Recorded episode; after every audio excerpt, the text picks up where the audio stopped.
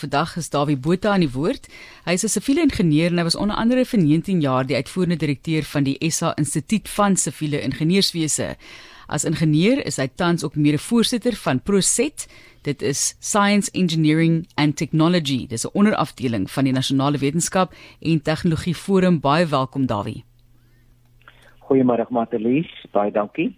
Ons is dankbaar vir ons paaie. Ons weet dit lyk maar baie keer bietjie rofferig op sekere plekke, maar dit gee vir ons toegang tot hierdie werk en soos jy ook sê plesier ons toerisme. Ons fokus vandag op die N1 en die rol van die pad in die Limpopo provinsie. Gee vir ons bietjie die area wat ons nou na verwys. Waar tot waar strek dit? Ja, net net voor jy nou praat, uh, ek is nou pynlik bewus van hoe sommige as baie dies daar lyk like, in 1992 het Rodney Barrel ons een van ons presidente gesê, uh die die eerste teerpaai het ons uit die modder gehaal, maar party van voets vir ons gaan terug modder toe, maar kom ons los dit dan maar daar. En daarna is na die ou blou paadjies van die van die verlede, die ou teerpaadjies, miskien onthou van julle dit nog, toe mettertyd met baie moderne paaie vervang. Nou die N1 is natuurlik ons ons groot hoofaar deur Suid-Afrika wat hier in die Kaap begin en dan uiteindelik by Buitbrug by Zimbabwe uitkom, baie lang afstand. Die N1 deur Limpopo en ons gaan nou so 'n bietjie oor Limpopo gesels die, die vandag en dan uh, weer volgende week waarskynlik. Ehm um, die die pad is so 400 km van Bella Bella af. Dis nou hierdie ou warmbad in die suide tot by Messina in die noorde.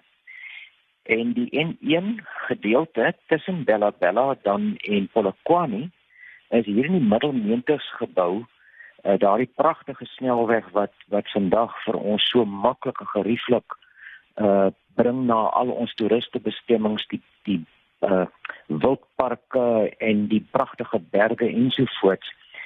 Nou wat baie interessant is van die pad is dit was op sy tyd uh een van die heel grootste projekte in Suid-Afrika En dit was so duur om te bou dat die private sektor se hulp toe ingeroep is om te help finansier. Nou ek dink nie die ons ons mense weet altyd waarvoor gaan die tolgelde nie. Nou in hierdie geval word daardie pad is is gedeeltelik gefinansier deur privaat die private sektor en die tolgelde wat geïn word is dan om daardie belegging uh daarmee opbrengs op daardie uh, belegging te gee. So 10 jaar gelede, nou hierdie stuk is is 155 km lank. En so 10 jaar gelede het dit reeds iets soos 2,5 miljoen ton vrag per jaar gehanteer. Ek dink wat ons baie keer miskyk is die is die ongelooflike rol wat hierdie paaie vervul. Uh in die ou dae het ons natuurlik ons spoorweë gehad wat wat die grootste vervoer ehm um, infrastruktuur in die land was. Ons paaie het basies oorgeneem wat dan seker 'n bietjie jammer is want ek wens die spoorweë wil ook weer terugkom. Maar dit is 'n absolute noodsaaklike verbinding dwars deur ons slagare wat deur ons land loop. Nou hierdie N1 roete is is is ook baie interessant omdat hy ons met met uh Zimbabwe verbind. En wat ons soms uit die oog verloor is is die mense wat na Suid-Afrika toe kom om uh winkels te kom in Johannesburg en so voort. Daar's nog 'n groot aantal mense. Hulle noem hulle ekonomiese uh toeriste. Dis mense wat vir die ekonomie uh, of uh, na Suid-Afrika kom en hier te kom uh na die winkels toe en so voort. Nou hierdie pad, die stuk van 155 km was 'n groot uitdaging vir ons Suid-Afrikaanse ingenieurs. Uh want dit loop oor die Springbokvlakte en die Springbokvlakte is bekend vir sy kleie. Nou net so 'n bietjie verduidelik, uh klei is 'n ding wat as jy hom as jy hom nat maak dan swel hy en as hy droog word dan krimp hy. Ek dink party van ons sal dalk 'n paar huise ken wat op kleigrond staan. Uh in die in die somer is dit reën dan is die krake toe en dan in die winter as die klei droog word uh, dan gaan die krake oop. Ja, daar wie in 'n droë in 'n droë dam, né? Ek sien mense dit ook duidelik. ja, dan sien jy daai krake, presies ja. Dis dis 'n mooi voorbeeld daarin. Nou uh, om hierdie om uh, nou met jy 'n pad, 'n groot pad bou met wat swaar vrag dra oor hierdie kleigronde. En uh, die oplossing wat toe gevind is daardie tyd is om in plaas van die water uh, rondom die pad weg te dreineer van die pad Ek dink uh, julle sal onthou ons daar gepraat water is 'n pad se een van sy grootste vyande. Dis ook hoekom uh, slaggate so ontstaan onder die paaie as daar te veel water onder die pad is.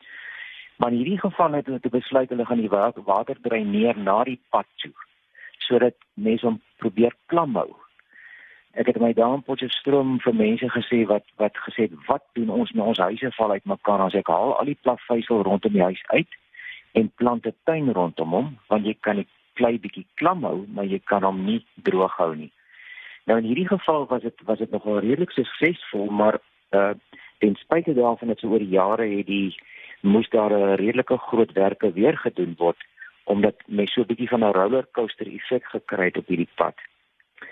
Ehm um, die N1 loop deur eintlik 'n baie interessante gedeelte hiervan van die besige uh, Pretoria en en ehm um, Swanies af uh, deur die pragtigste bosveld uh, en ek dink wat ek graag sou wou hê met hierdie reeks wat ons oor praat is dat ons publiek 'n bietjie uh, meer hulle oë oopmaak en kyk rondom hulle. Ek meen mense hier pad van die van die uh, jou oë van die pad afhaal as jy op daardie pad ry nie, maar kyk tog 'n bietjie rond die pragtige omgewing. En die paaie wat wat gebou is, is soms kunswerke op hulle eie. Ehm um, ons sal later weer praat oor oor daardie aspek waar die pad binne in die landskap uh op 'n manier sy eie kunswerk is. So dit is eintlik uh, uh nogal belangrik dat ons bietjie rondkyk, nie jaag van een punt na 'n ander punt toe nie. Ook nie as ons met vakansie gaan. Ek weet ons wil altyd so vinnig as moontlik aan die ander kant uitkom en hierdie pragtige paaie help. Maar kyk 'n bietjie rond. Uh, stop 'n bietjie en uh kyk na hierdie pragtige paaie wat wat gebou is uh ook met die met die uh netjiese volstasies uh hier langs hierdie groot paaie. So kyk 'n bietjie rond, geniet dit. Uh Rodney Barrel het ook baie dit gesê, 'n pad moet gebou word om to satisfy the driver's eye. En jy weet die vermoeienis wat 'n mens het as jy as jy pad is, um, kan baie keer verlig word deur net so 'n bietjie rondom jou te kyk. Stop 'n bietjie en geniet dit.